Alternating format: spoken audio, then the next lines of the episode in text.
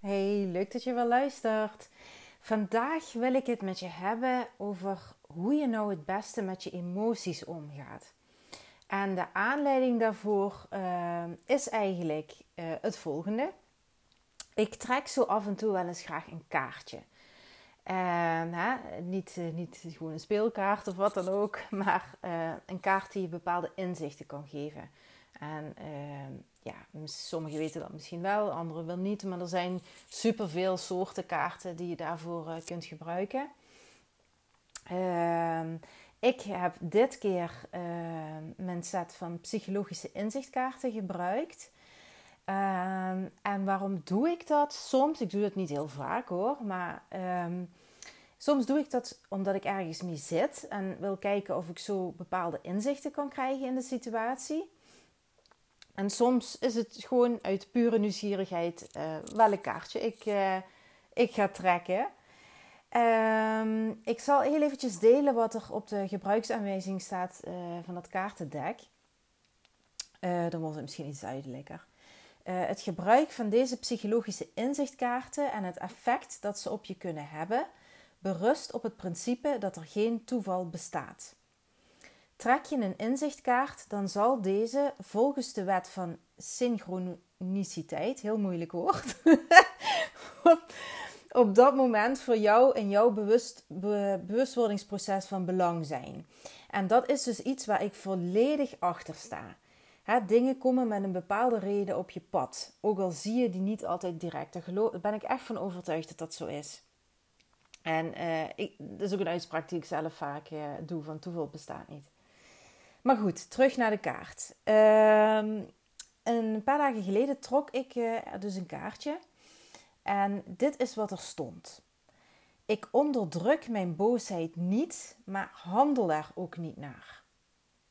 Het toeval wil, toeval bestaat dus niet, dat ik tijdens uh, mijn weekje op Ibiza, hè, misschien weten sommige, jullie, uh, sommige van jullie dat wel, ben een paar weken geleden lekker een weekje naar Ibiza geweest met mijn moeder.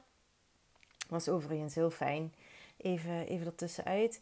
Uh, maar ik kreeg dus wat, uh, een stapeltje tijdschriften van twee ontzettend leuke zussen die we daar hebben leren kennen. Uh, waaronder een happiness, wat ik sowieso altijd ontzettend fijn leesvoer vind. en het was tegen het einde van de vakantie, dus ik had eigenlijk nog geen tijd gehad om hem helemaal te lezen. Dus ja, dan blader ik thuis zo af en toe eens wat, wat erin als ik even zo'n verloren momentje heb. En uh, dat was ik dus aan het doen. En welk artikel stond erin? Boosheid als kracht.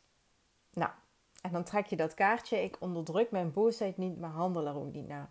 Misschien dat jullie nu denken, nou, die Eva is ontzettend boos. dus absoluut niet, uh, niet zo.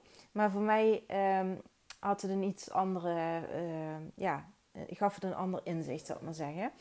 Maar goed, vandaar dus de iets wat lange inleiding over het onderwerp uh, van mijn podcast van vandaag.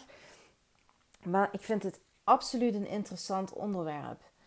Um, en waar ik het met je over wil hebben, is niet zozeer alleen boosheid, maar eigenlijk al onze emoties. En hoe wij geconditioneerd zijn om ermee om te gaan. Um, ook wat er gebeurt als we instinctief vanuit die emotie gaan handelen. En ook wat er gebeurt als we die emoties juist wegduwen. Hè? Nou, om met conditionering of programmering uh, te beginnen. Uh, ik val even met de deur in huis. Bijvoorbeeld, meisjes moeten niet zo hysterisch doen en jongens mogen niet huilen.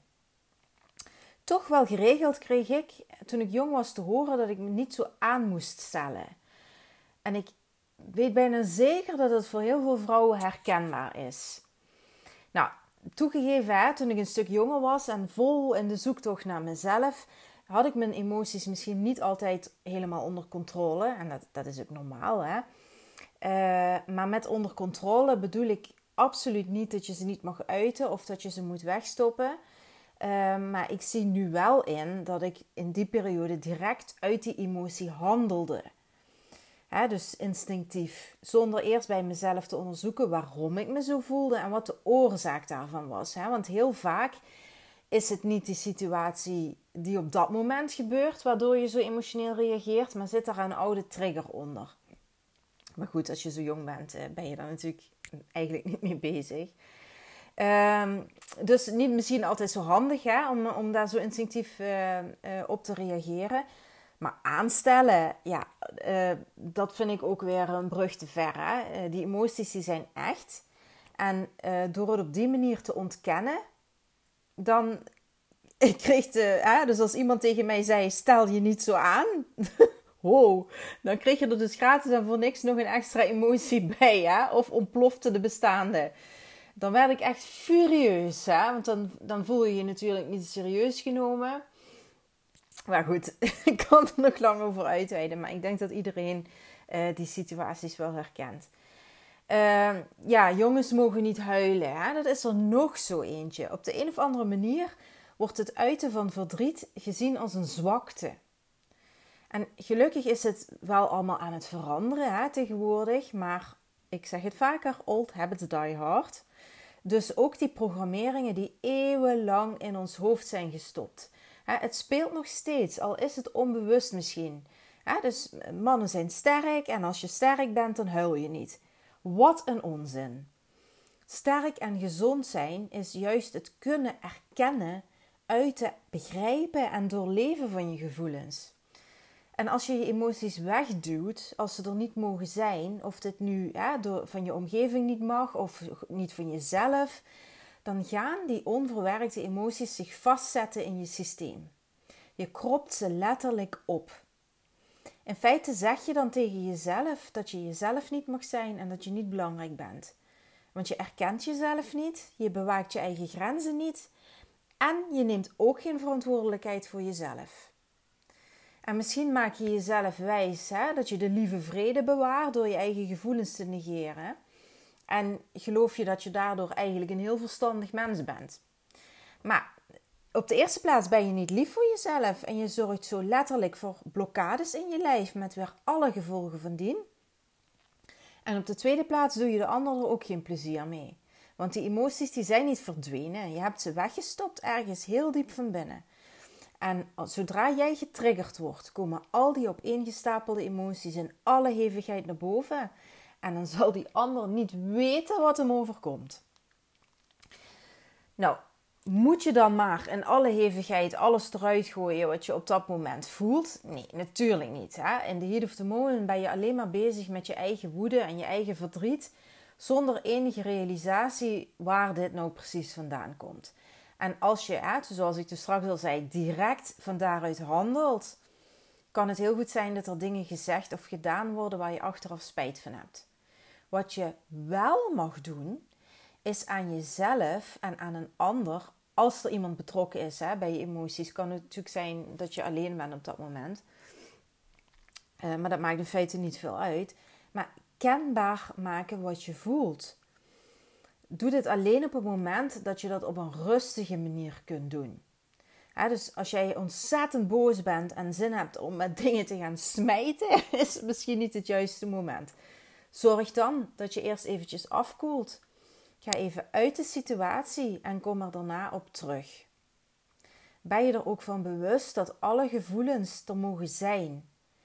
Maar dat je ook voor jezelf de tijd mag nemen om ze toe te laten en voor jezelf te begrijpen waarom je dit voelt.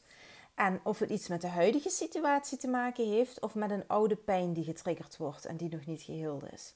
Dat is wel een heel erg belangrijk verschil. En pas als jij die emotie begrijpt, weet je ook wat je ermee kunt doen.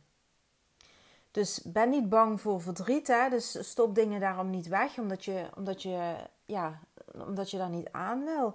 Ook dit mag er zijn. En dit kan pas geheeld worden als jij jezelf toestaat om het er te laten zijn. En uh, het is ook heel veel, het hoeft niet zo lang te duren. Hè? Als jij de tijd neemt om je emoties echt te voelen, om gewoon even lekker een potje te janken of wat dan ook, dan merk je ook heel vaak dat het vrij snel eruit is. Dat, dat, dat de druk ervan af is, dat je ook opluchting voelt.